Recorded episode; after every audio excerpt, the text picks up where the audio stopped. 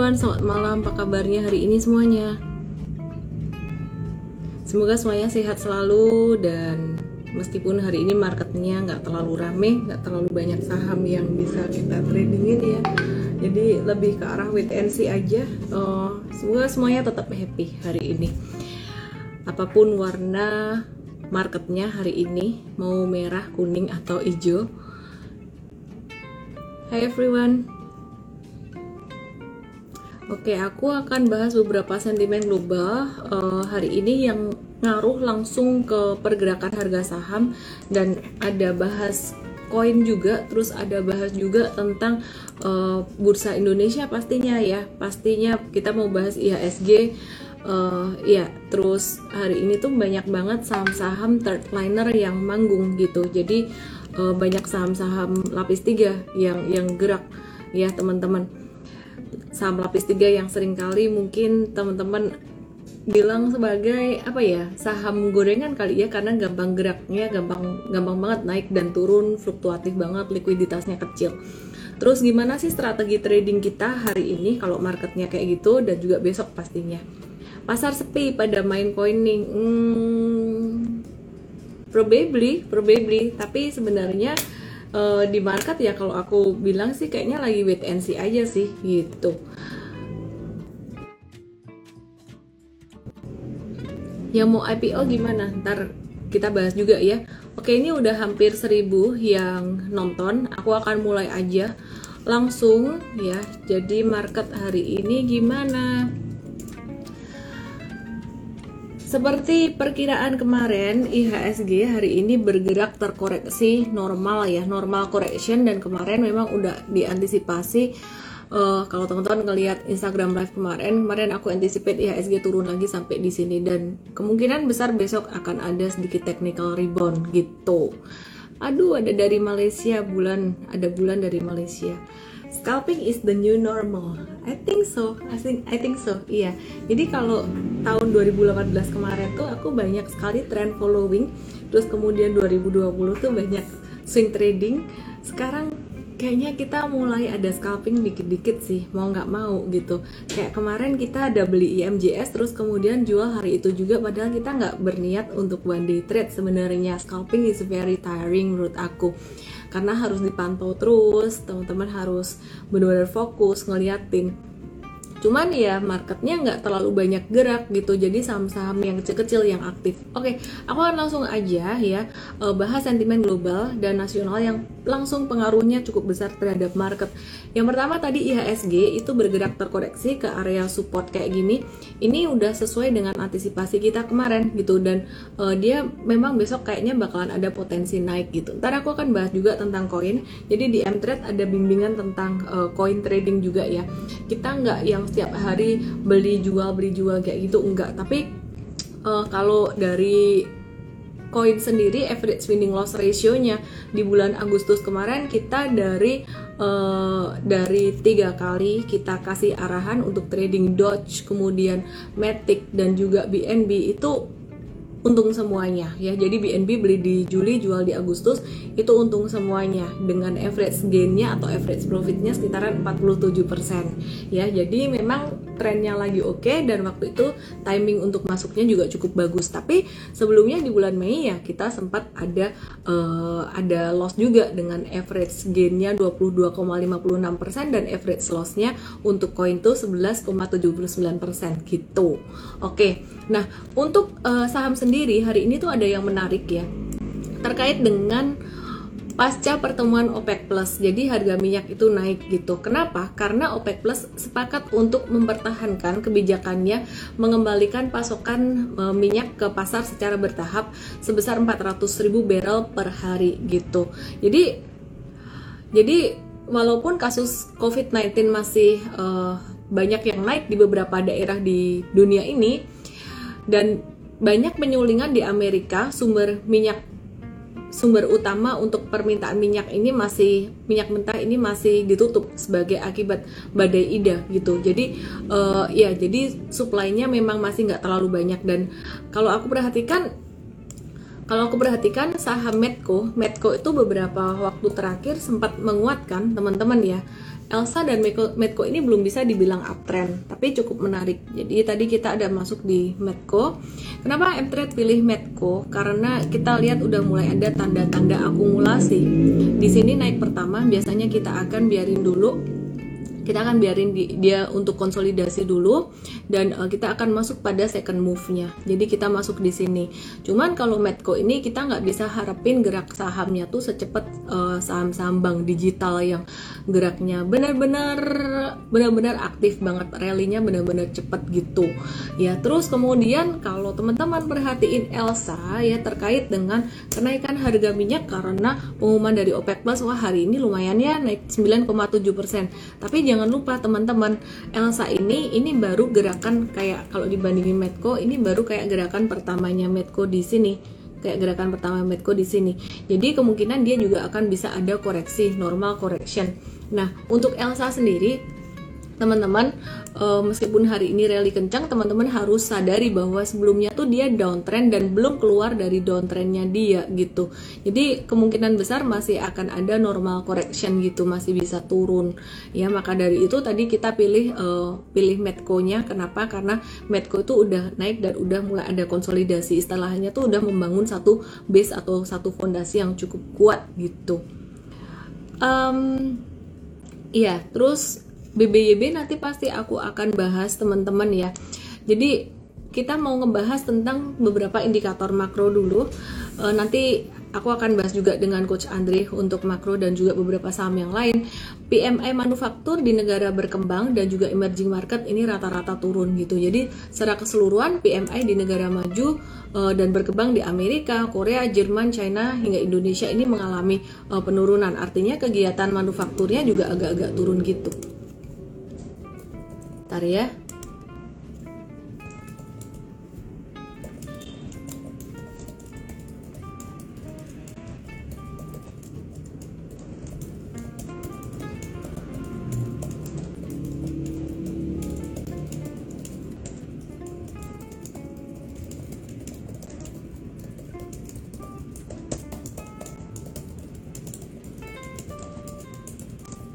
Oke, okay.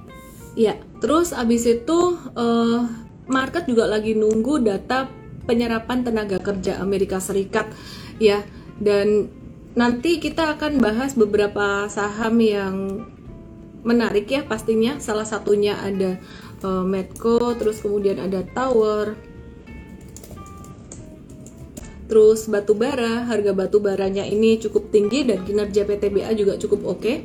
Terus hari ini M-Trade ada trading saham second liner ya, second liner atau third liner ya. Kita ada trading kios. Basically kios ini kita lihat tadi berdasarkan benar-benar technical doang sih.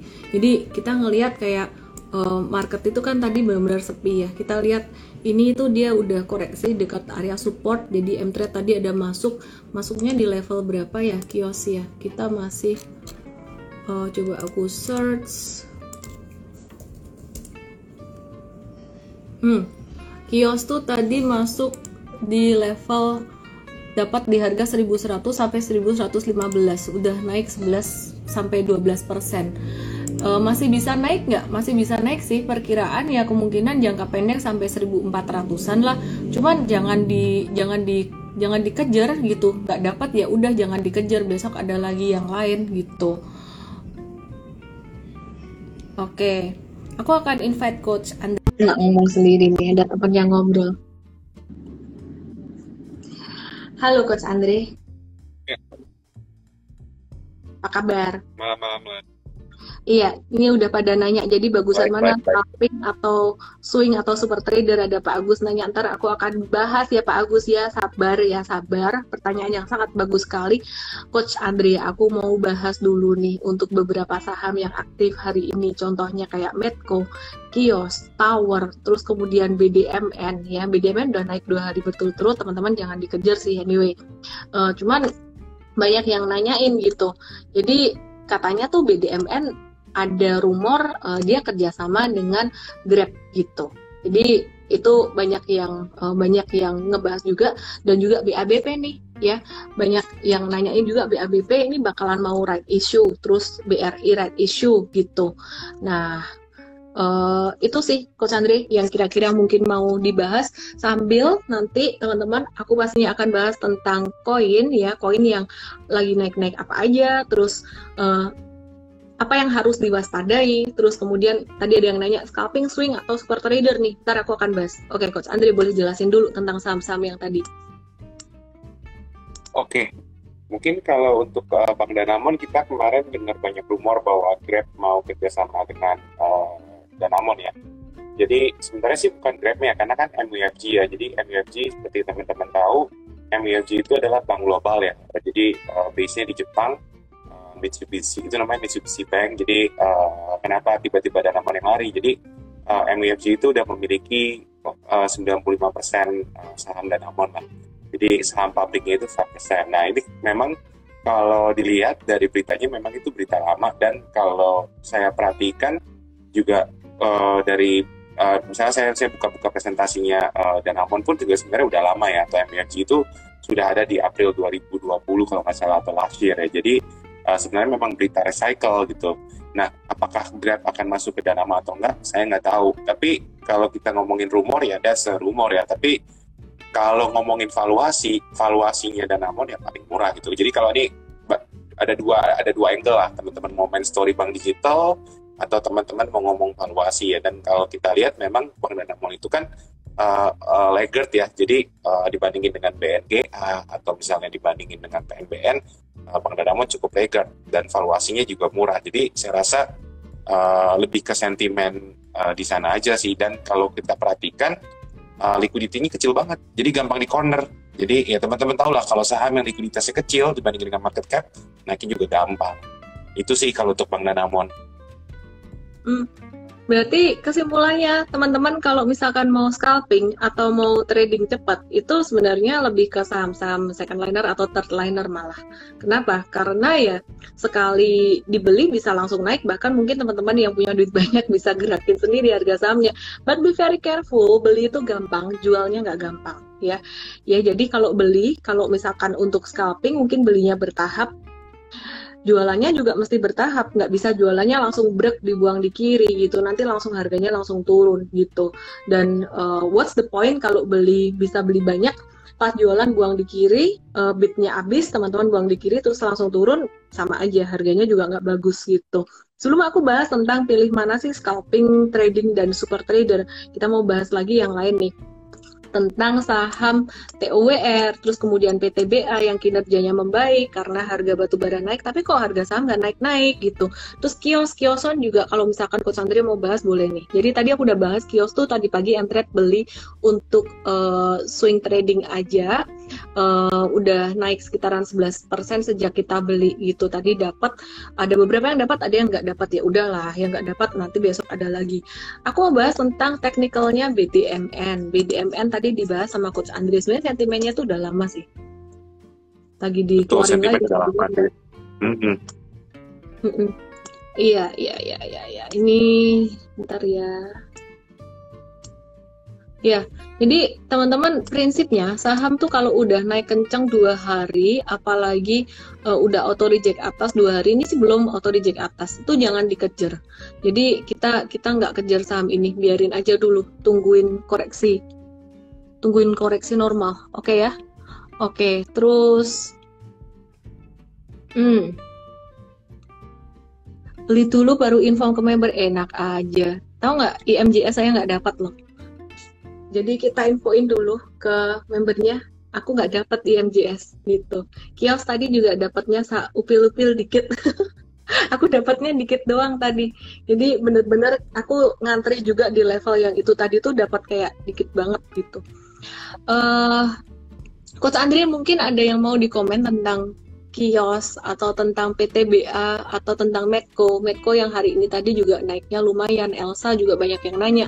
Tadi aku udah bahas tuh sentimen tentang harga minyak. Mungkin ada yang mau ditambahin. Oke, mungkin ngomongin minyak aja ya. Jadi kalau minyak kan tadi udah disebut uh, bahwa minyaknya kan lagi stabil ya di angka 71 dolar.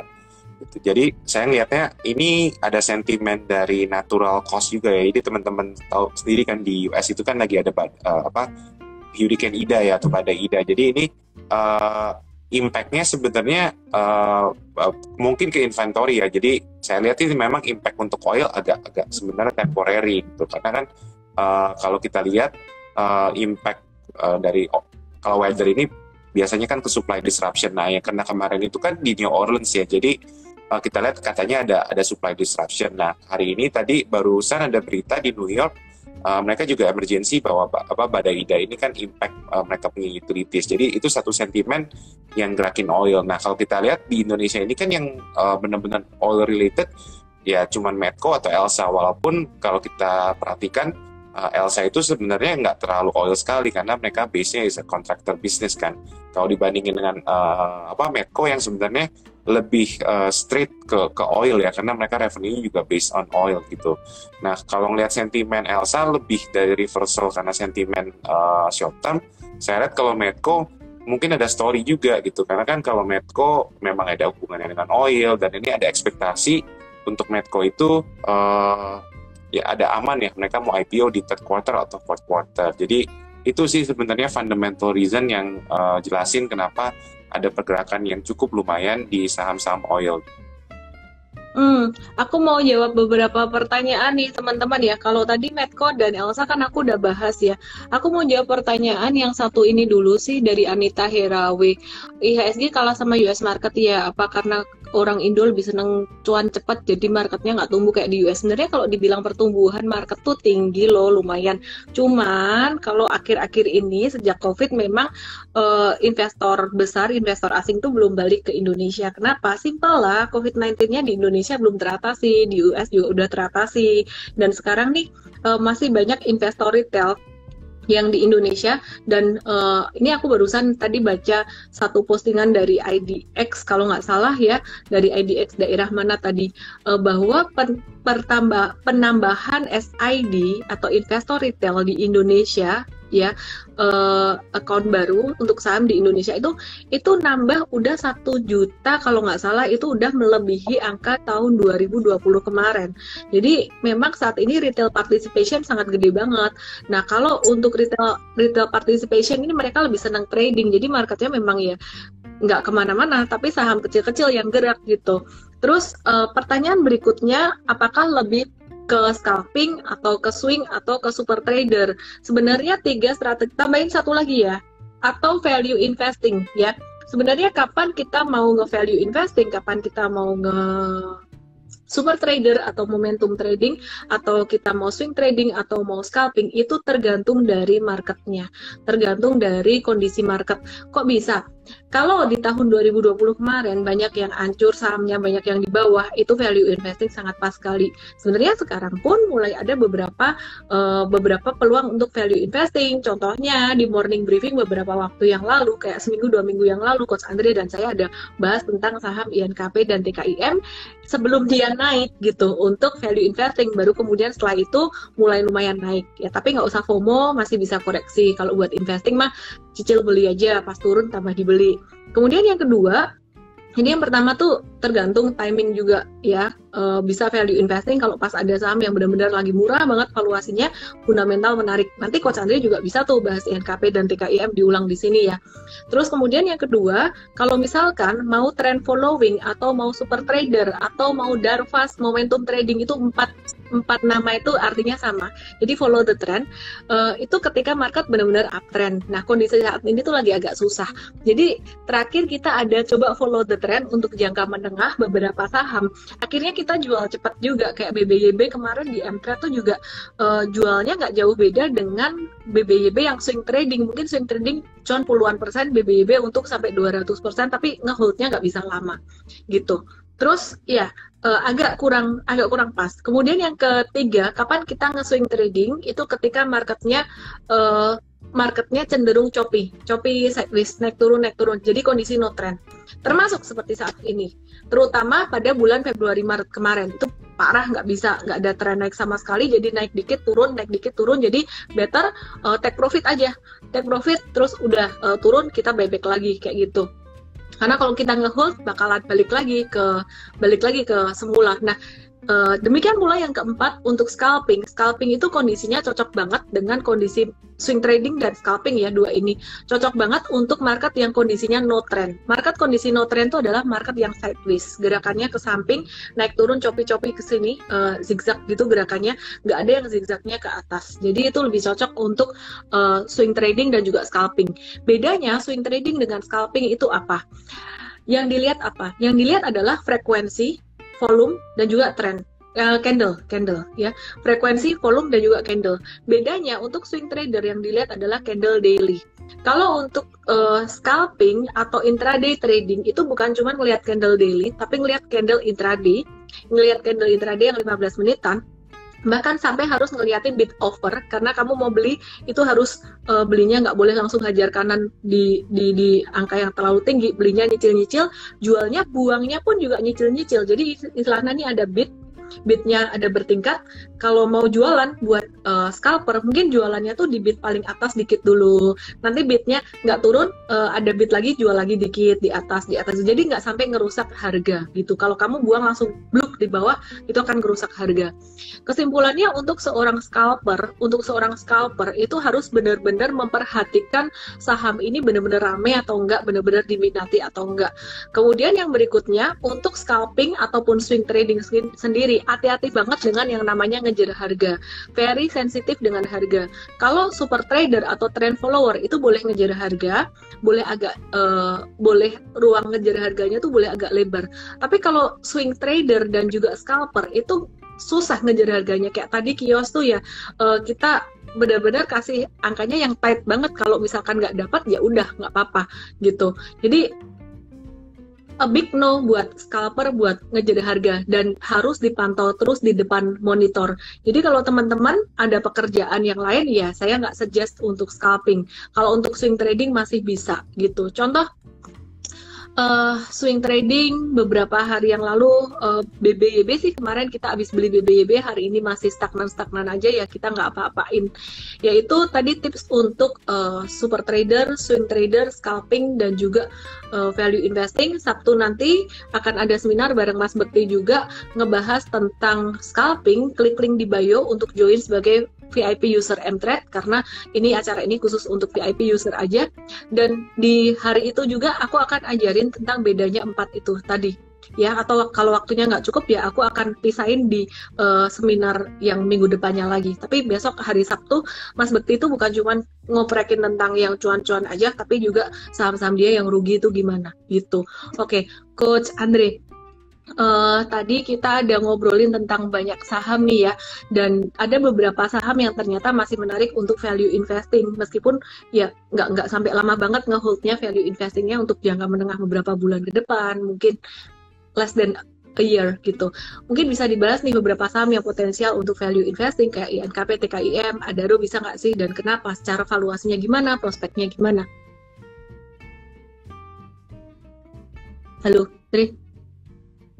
Oke, mungkin biar teman-teman juga lebih jelas kalau di M-Trade itu uh, kita juga ada sekarang ada banyak metode ya. Jadi uh, kalau dulu kan mungkin misalnya masih sendiri, sekarang udah ada saya. Jadi uh, sekarang lebih mix sih. Jadi kita ada uh, apa teknik trading, ya, scalping, swing, Terus kita ada juga belajar fundamental. Sekarang sih fundamentalnya juga udah lebih improve ya. Jadi kalau teman-teman yang mungkin ada kesulitan kayak oh, baca research report atau misalnya gimana sih interpretasi research report, sekarang di Mtrade dengan adanya uh, saya juga, jadi udah bisa ngebantu teman-teman retail juga ya lebih gampang lah uh, Bapak menganalisa uh, fundamental dengan bahasa yang lebih simpel. Nah, balik ke ngomong ke fundamental, uh, mungkin ada beberapa saham yang menarik ya. Jadi kalau uh, minggu lalu kita di M-Trade udah pernah uh, bahas dengan Tekim dan INKP ya. Jadi uh, drivernya Tekim dan INKP ini kan sebenarnya memang uh, reversal dari harga pulp.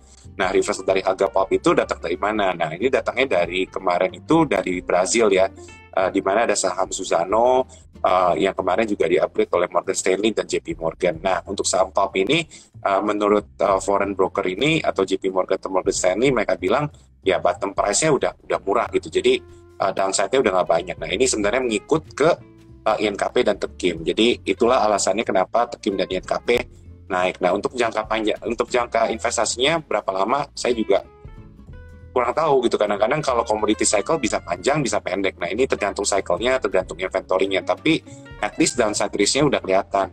Nah, pre, uh, pra, uh, tinggal nanti masalah teman-teman maunya mau investasi di berapa lama. Nah, biasanya sih kalau komoditi seperti pulp ini cenderungnya harganya kan lebih stabil ya dibandingin dengan coal yang pergerakan harganya harian. Kalau pulp itu uh, setahu saya datanya itu datanya dari RISI uh, atau atau apa kalau nggak salah research tentang pulp itu datanya weekly ya atau uh, monthly. Jadi nggak separah uh, coal yang fluktuatif. Jadi uh, walaupun sahamnya harganya fluktuatif tapi harga komoditi sebenarnya nggak uh, sefluktuatif itu. Jadi itu untuk yang jangka menengah, INKP dan Tekin kayaknya mungkin masih bisa dilihat ya selain uh, reversal dari commodity price, kita lihat juga PI juga masih murah. Hmm, hmm, hmm, hmm, hmm. Aku mau bahas untuk ini sih uh, teknikalnya INKP dan Tekim ya teman-teman ya. Jadi kita mix dengan teknikal juga bukan cuma fundamental doang. Uh, untuk INKP dan Tekim sendiri kelihatan nggak ya gambarnya?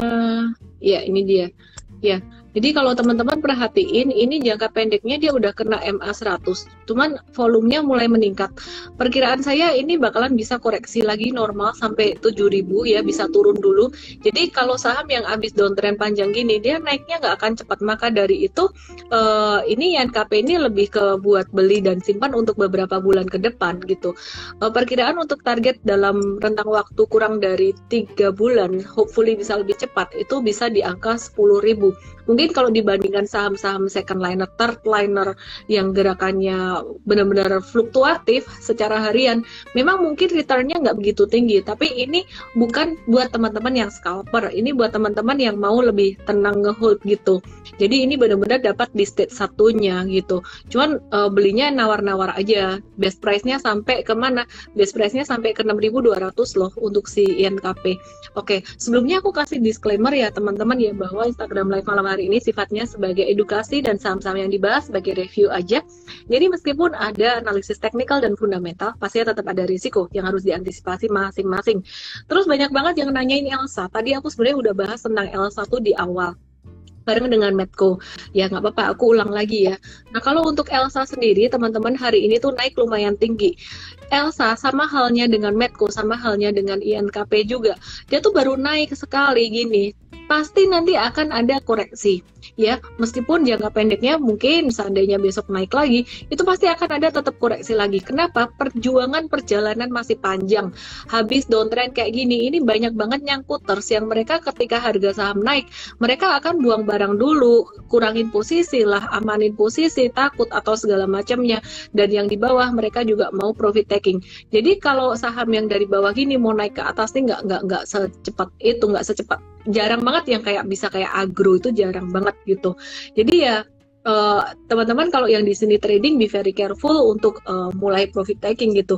Kenapa saya prefer uh, trade prefer Medco? Sebenarnya saya nggak nggak nggak nggak nggak sendiri juga ya untuk trading itu kan ada coach Hanin, ada coach uh, coach coach Jose, coach Tasya, Merli dan semuanya juga untuk teknikalnya ya. Dan mereka yang uh, ngecall beberapa saham yang bagus juga gitu. Ya jadi perhatikan di sini ini ini di sini udah naik tinggi ini konsolidasi kita masuk kita prefer masuk di sini. Kenapa karena kita lihat uh, ya ini udah mulai ada tanda akumulasi dan hopefully nunggunya juga nggak akan uh, lama bisa lebih cepat gitu.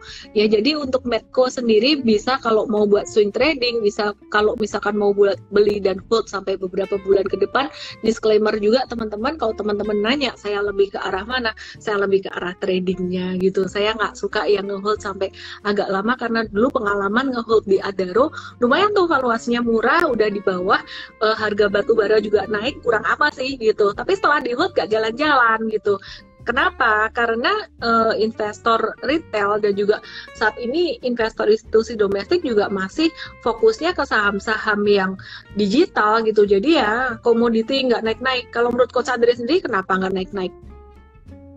Hmm, sebenarnya lebih sorry Dri. Ini ada yang nanya ya. Elsa bisa sampai berapa? Uh, jangka pendek resisten 1 di 302 lumayan kuat dan resisten kuat berikutnya di 332. Itu ada MA 100 dan MA 200. Jadi be very careful di dua angka itu. Oke. Okay. Saya lama nih nyangkut di Adaro ya bisa naik, cuman pelan-pelan. uh, Elsa bisa naik kok sampai ke berapa tadi ya 332 bis itu koreksi lagi kemungkinan maksimal ya itu maksimalnya uh, TKIM NKP akan come date besok. Oke okay, ntar kita bahas. Oke okay, jadi coach Andre gimana tadi? Uh, kenapa saham-saham digital sama saham-saham old economy malah lama ya naik ah sorry old economy lama. Jadi kalau kita lihat ini lebih ke retail participation ya. Iya. Terutama komoditas Dre, kayak batu bara, ya. uh, CPO itu harga komoditasnya naik, kinerja juga bagus, PTBA bagus, LSIP bagus, tapi harga saham nggak naik-naik. Oke, jadi uh, sebenarnya ini balik lagi ke retail participation juga ya. Jadi kalau melihat apa sentimen dari investor asing, memang kan mereka nggak overweight di komoditi ya, karena uh, kita lihat uh, banyak yang komoditi itu bermasalah dengan ESG investing lah. Jadi itu satu kenapa uh, drive-nya itu juga nggak nggak banyak di komoditi. Nah, sedangkan teman-teman sendiri kita lihat di sini kan partisipasinya banyak kan di bank digital, kemudian di internet company, tech company. Jadi flow-nya udah ke sana.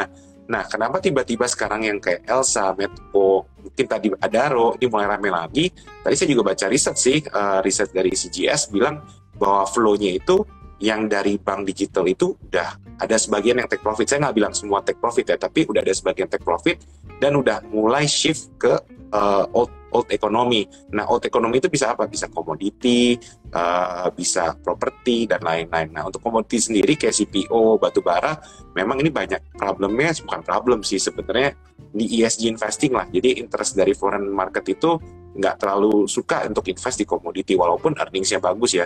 Nah untuk CPO sendiri ya CPO sendiri kita lihat rally-nya tuh sahamnya udah lewat sih sebenarnya walaupun CPO price di harga 4.200. Nah CPO itu juga bukan earnings play tapi lebih momentum si CPO ini mau berapa, mau berapa lagi naiknya gitu kan kalau dulu CPO rally dari 2.500 sampai 4.000 ya sahamnya rally sekali.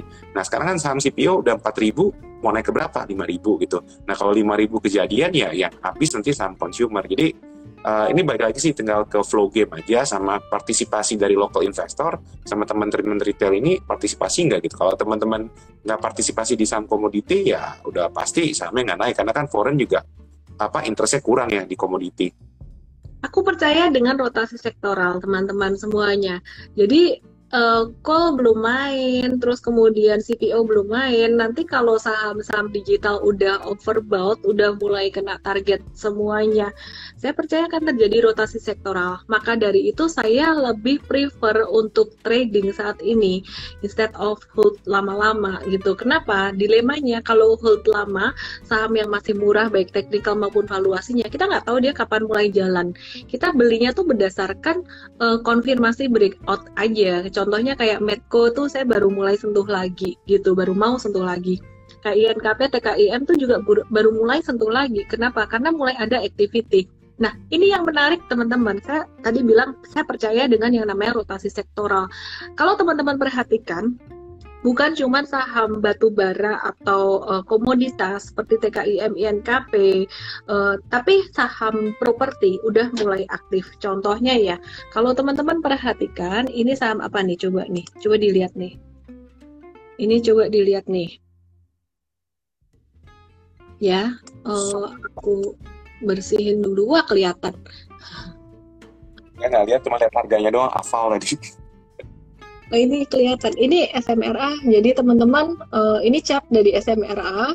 Saham Sumarekon ini ini udah turun banyak juga ya. Ya, ini kalau misalkan teman-teman lihat dari uh, harga 10 ribuan eh sorry harga seribuan sampai harga tujuh ratusan. Jadi sekitaran diskonnya mungkin sekitaran 30-an persen gitu harganya. Dan ini teman-teman udah ngelihat satu tanda uh, reversal di sini. Terus kemudian kalau teman-teman perhatikan ini ada saham APLN APLN tadi juga mulai aktif loh. APLN tuh udah mulai aktif terus kemudian Asri mulai aktif. Aku bukan ngerekomen saham-saham ini. Tapi di sini saya cuma mau bilang bahwa uh, sudah mulai ada tanda-tanda kehidupan gitu loh.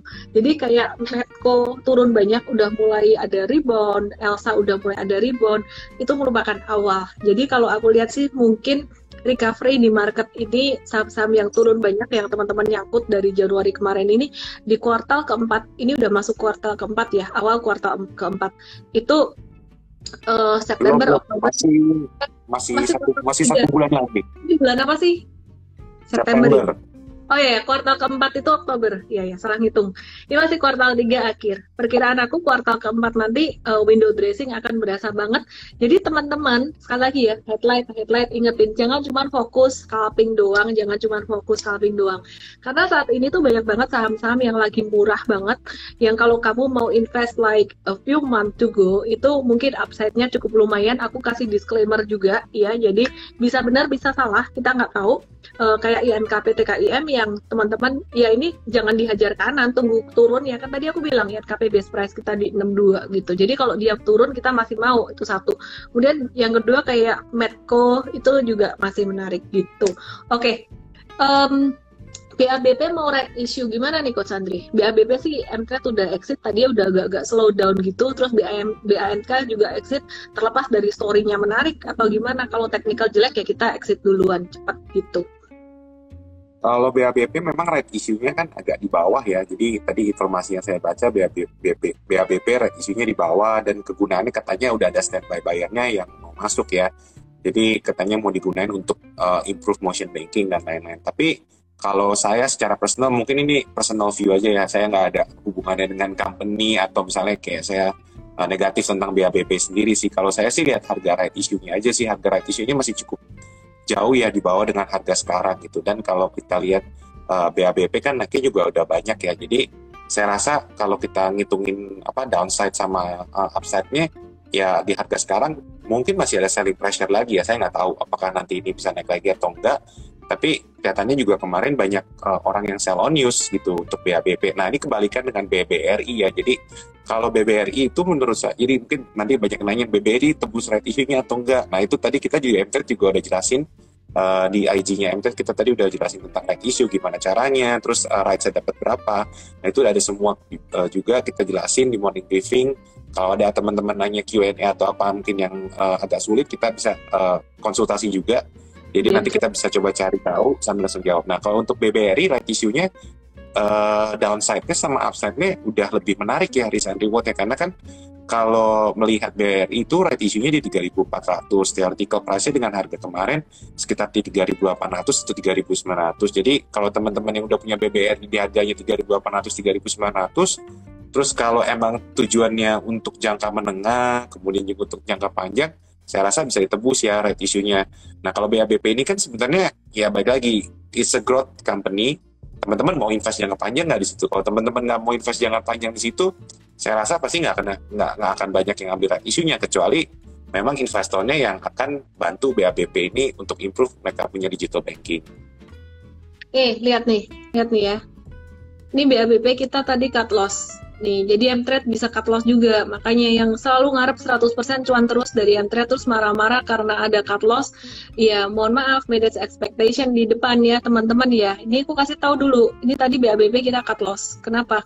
Karena kita lihat udah mulai slowing down dan uh, jangka pendek itu uh, kita punya toleransi sebenarnya sekitaran 5%, kadang lebih-lebih dikit itu. Ini jangka pendek, jangka menengah kita jual juga BABP-nya uh, eh, kemarin sempat profit ya. Terus ini yang jangka menengah juga jangka pendek sempat cut loss lumayan, tapi ini sempat profit taking uh, lumayan juga, lumayan banyak juga sebelumnya. Jadi ya kita trading TikTok TikTok lah untuk si BABP ini gitu. Oke. Okay. Nah, anyway, kita mesti tetap aware story digital ini nanti juga pasti akan slow down akan berakhir dan pindah ke saham-saham yang non digital atau old economy. Sekarang udah mulai kelihatan dikit-dikit gitu ya. Kecuali nanti deket-deket go to IPO, deket-deket beli-beli IPO, nah itu mungkin akan uh, aktif lagi. BABP tidak gitu. Ada yang bilang cut loss oh no gitu. Iya nggak tahu ntar besok naik atau enggak nggak ngerti. Yang penting kita manage resiko dulu. tahu benar. Tahu kita besok naik atau enggak Hmm, ya kita jadi bukan ngomong dia jelek atau gimana, kita cuma mau manage risk, manage risk aja. William Chandra Chang lucu banget sih. Kamu tak kasih m tujuh hari ya. Tadi mau nanya sampai nangis-nangis, padahal saya nggak tahu dia nanya apa. Tahu-tahu terima kasih. Tadi udah desperate gitu dia kayak pertanyaanku nggak dijawab. William Chandra Chang uh, langsung aja DM dengan kode MT7, nama email dan WhatsApp. Oke. Okay. Um, Oke, okay. terus kemudian, aduh, tadi banyak yang nanya juga tentang EMTK ujung-ujungnya kita Q&A nih. MTech gimana nih? Beli atau jual? Kayak MTech udah exit deh. Aku cek dulu ya. Mtrade masih punya nggak sih M si MTech MTech MTech MTech kalau kita udah jual seperti ya swing tradingnya udah jual nggak ada lagi yang di hold nggak ada lagi tuh ini hold hold nggak ada lagi oke aku mau educate dikit nih teman-teman ya teman-teman contoh ya misalkan kita ada rekomend satu saham review satu saham beli misalkan nih aku lupa tadi kios di info di, di di di di angka berapa?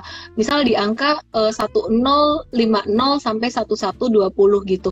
Tapi harganya tersentuh di sini 1100 sampai 1115. Jadi yang di hold ini yang tertulis adalah yang yang masuk di dalam range beli dan kebeli dan yang kejadian di jam market itu. Jadi bukan harga belinya yang ini di sini. Jadi memang beda. Jadi you have to understand that gitu.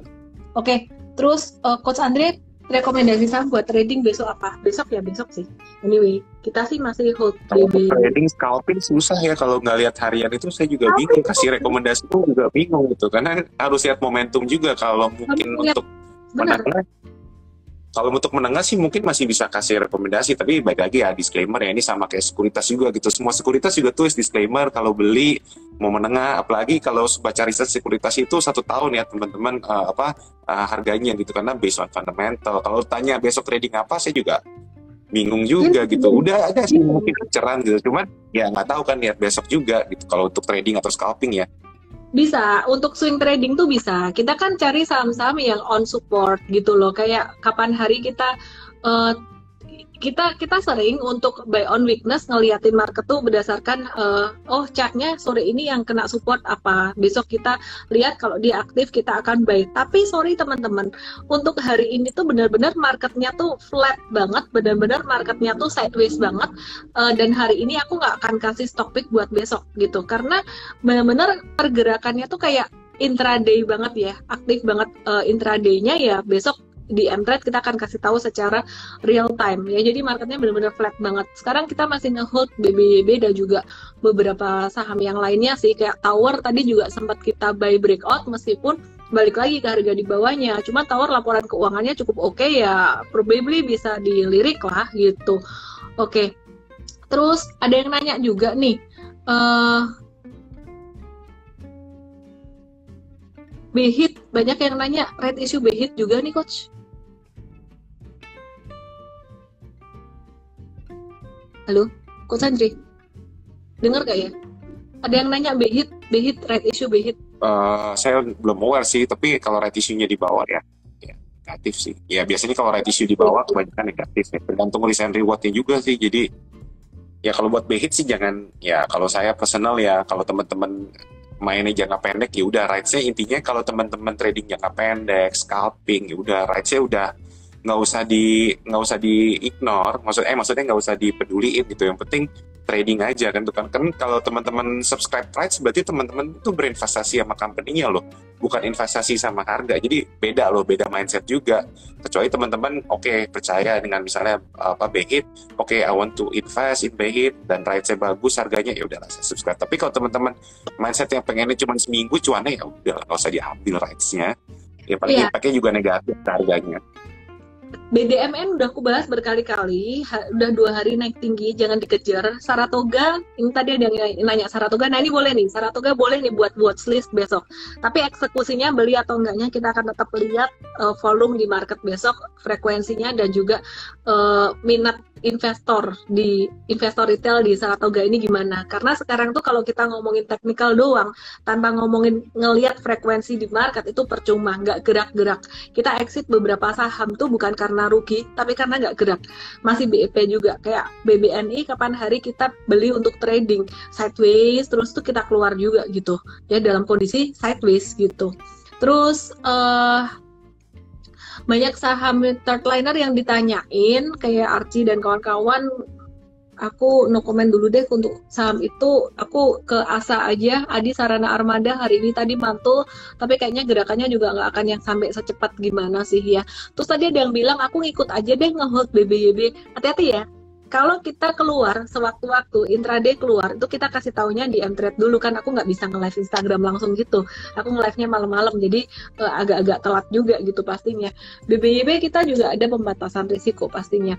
Jadi kita base price-nya kalau nggak salah kemarin sekitaran level 1000 berapa ya? 1500 atau 1520 let me check BBYB Oh iya, 1500 best price-nya gitu untuk yang jangka pendeknya. Kalau jangka menengah masih ngehold beberapa waktu yang lalu sih. Ya jadi ini harusnya udah cuan banyak tapi dia jadi keseret turun lagi. But anyway, ya sekarang sih masih di dekat-dekat support gitu. Kita kita lihat sikon aja. Jadi teman-teman kalau yang mau join MTED uh, VIP langsung aja klik link di bio saya dan hari Sabtu nanti kita akan belajar scalping dari Mas Bekti. Aku sendiri sebenarnya bukan scalper, aku lebih ke swing trader tergantung sikon sebenarnya. Kalau market lagi uptrend aku lebih prefer untuk trend following. Tapi karena nggak capek dan cuannya lebih banyak dan nggak kena fee broker. Aku trading tahun ini ya teman-teman ya. Aku hitung-hitung ya aku tuh nyumbang fee broker tuh banyak banget tau nggak teman-teman? Karena swing trading dan terakhir juga nyoba scalping. Benar nggak Coach Andri? Scalping itu sebenarnya yang kita Costly. kita kalau cuannya nggak banyak ya bayarin broker Iya, kita ngecuanin brokernya dan kita ngecuanin bursa juga nih. Dan kita juga menjadi penyumbang pajak yang cukup banyak juga buat pemerintah untuk scalper. Oke. Oke deh. Berarti Mas Hari Bekti ini taat pajak banget ya, Mas Bekti. Iya, Mas Bekti ini pokoknya kontributor bayar ke brokernya banyak pajak. sekali gitu ya. bener bener ini dia bilang hari ini nggak ngantuk ya miss ya tadi aku udah bo udah boci udah boboci yang bobo sore boleh hajarkan INKP nggak kalau mau investasi value investing tuh nggak usah nafsu. Kalau mau hajar kanan dikit aja. Cara belinya kalau value investing tuh nyicil nyicil aja. Jadi nyicil nyicil bertahap gitu. Turun beli turun beli turun beli gitu. Dan lagian dia punya liquidity juga nggak begitu besar. Saya pikir dia masih bisa turun lagi itu sih teman-teman jadi kalau mau nyicil di Medco juga boleh aku lihat juga masih ada prospek untuk em, beberapa bulan ke depan disclaimer on juga karena aku lebih prefer untuk swing trading dan eh, bukan untuk beli di bawah ngehold lama kecuali NKP Tekim tuh aku ada beli dan simpan lumayan lama gitu karena aku suka perusahaannya kenapa aku suka Hmm, tadi Coach Andri udah jelasin. Anyway, Coach Andri besok di morning briefing mau bahas tentang apa? Oh, kripto. Besok. Oh ya, Ya? kripto dulu. Oke, oke, kripto dulu. Oke oke oke. Aku mau bahas kripto dulu. Eh, jadi dikit teman-teman kalau yang nggak di koin ya ini bisa jadi satu satu pembelajaran aja sih ya. Nggak usah harus trading koin enggak gitu. Jadi ini kemarin Mtrade tuh ada nge-review satu koin namanya Ethereum. Jadi kalau teman-teman perhatikan Ethereum itu kemarin kenapa sih kita eh, review buy di angka 3, 3, 3118 sampai 3450 basically 3118-nya nggak kena. Jadi setelah kita rekomen beli kemarin tuh terus turun dikit doang. Jadi kita anggap aja dapatnya di harga 3450 sampai 3400-an. Nah, kemudian eh, dia break dia lanjut breakout naik dan sekarang kayaknya udah cuan sekitar berapa ya? Aku coba hitung eh, udah udah cuan sekitar ini 10 persenan. Ya jadi udah 10 persenan untuk Ethereum ini. Eh, apa yang harus dilakukan? Ya Kak, nanti kita kasih tahu kalau misalkan dia nggak kuat naik ya kita akan profit taking. Tapi perkiraan kami sih perhitungan Mtrade eh, Ethereum ini bakalan bisa menguji atau naik sampai 4180 dan ini udah bukan waktunya buat ngejer. Ini tinggal eh, siap-siap untuk profit taking aja sebenarnya. Karena kita swing trading juga di sini kita nggak scalping. Dan satu lagi yang tadi sempat eh, naik tuh Bitcoin, Bitcoin jadi kalau Bitcoin udah naik sih basically yang lain juga bakalan bisa ngikut sih ya. Hari ini dia breakout cuman gerakannya Bitcoin ini nggak akan bisa cepat target kita ada di area sekitaran 59.000 gitu. Terus kemudian ada Cardano, ada USDT. Ini kita belum eh, eh ini udah udah udah kita info juga kayaknya. Udah sih, di Mtrade udah sih. Jadi Cardano ini eh, kita nggak targetin karena dia all time high. Jadi ya eh, baru aja tadi beli gitu. Disclaimer juga teman-teman ya. Jadi eh, ada risiko di sini yang harus diantisipasi. Di sini teman-teman juga lihat stop lossnya 2,79. Kalau mau dapetin info kayak gini real time ini ada di Mtrade ya. Oke, dan diupdate terus oleh tim coach kita. Oke, Coach Andre besok di morning briefing mau ngobrol tentang apa nih? Kalau di morning briefing sih biasanya ya pagi-pagi biasanya ya liatin global market dulu, komoditi, uh, terus ya per saham ya tergantung sentimennya lagi rame amat. Tapi biasanya yang yang cukup menarik sekarang ya kita tiap pagi bahas global marketnya juga lebih dalam ya. Jadi agak uh, udah improve dibandingin versi yang lama. Uh, jadi itu something yang kita bisa offer sih kalau teman-teman mungkin bingung baca US market gimana sih, baca uh, treasury, baca bond itu gimana. Nah itu tiap pagi biasanya uh, saya selalu bahas juga sih. Jadi uh, teman-teman bisa lebih ngerti uh, global market, terus apa yang terjadi di malam hari ya ketika teman-teman tidur. Itu aja sih, Miss. Oh, chartnya nggak kelihatan namanya kalau kita miss dengerin namanya we do know what you are talking about kalau bisa chartnya lebih besar atau taruh namanya namanya juga di Instagram live gitu kalau mau gede kalau mau gede besok di morning briefing aku ulang. Oke okay ya. Thank you semuanya uh, dan yang rajin ngetik Swan 1421 siapa lagi nih? Uh, aku pilih random aja ya. 9640.adi Terus tadi siapa tuh yang nanya tadi udah dapat satu. Terus Diana dot Victory 37 Sambang kok turun terus ya. Aku nggak tahu kenapa dia turun terus. Yang aku tahu adalah kalau kalau dia turun ya kita harus batasi risiko. Satu lagi Marlon Ringo yang ketawa ngakak-ngakak empat orang dapat MT 7 hari ketik MT 7 nama email WhatsApp semoga bermanfaat. Saya Ella dan Coach Andre. Salam profit.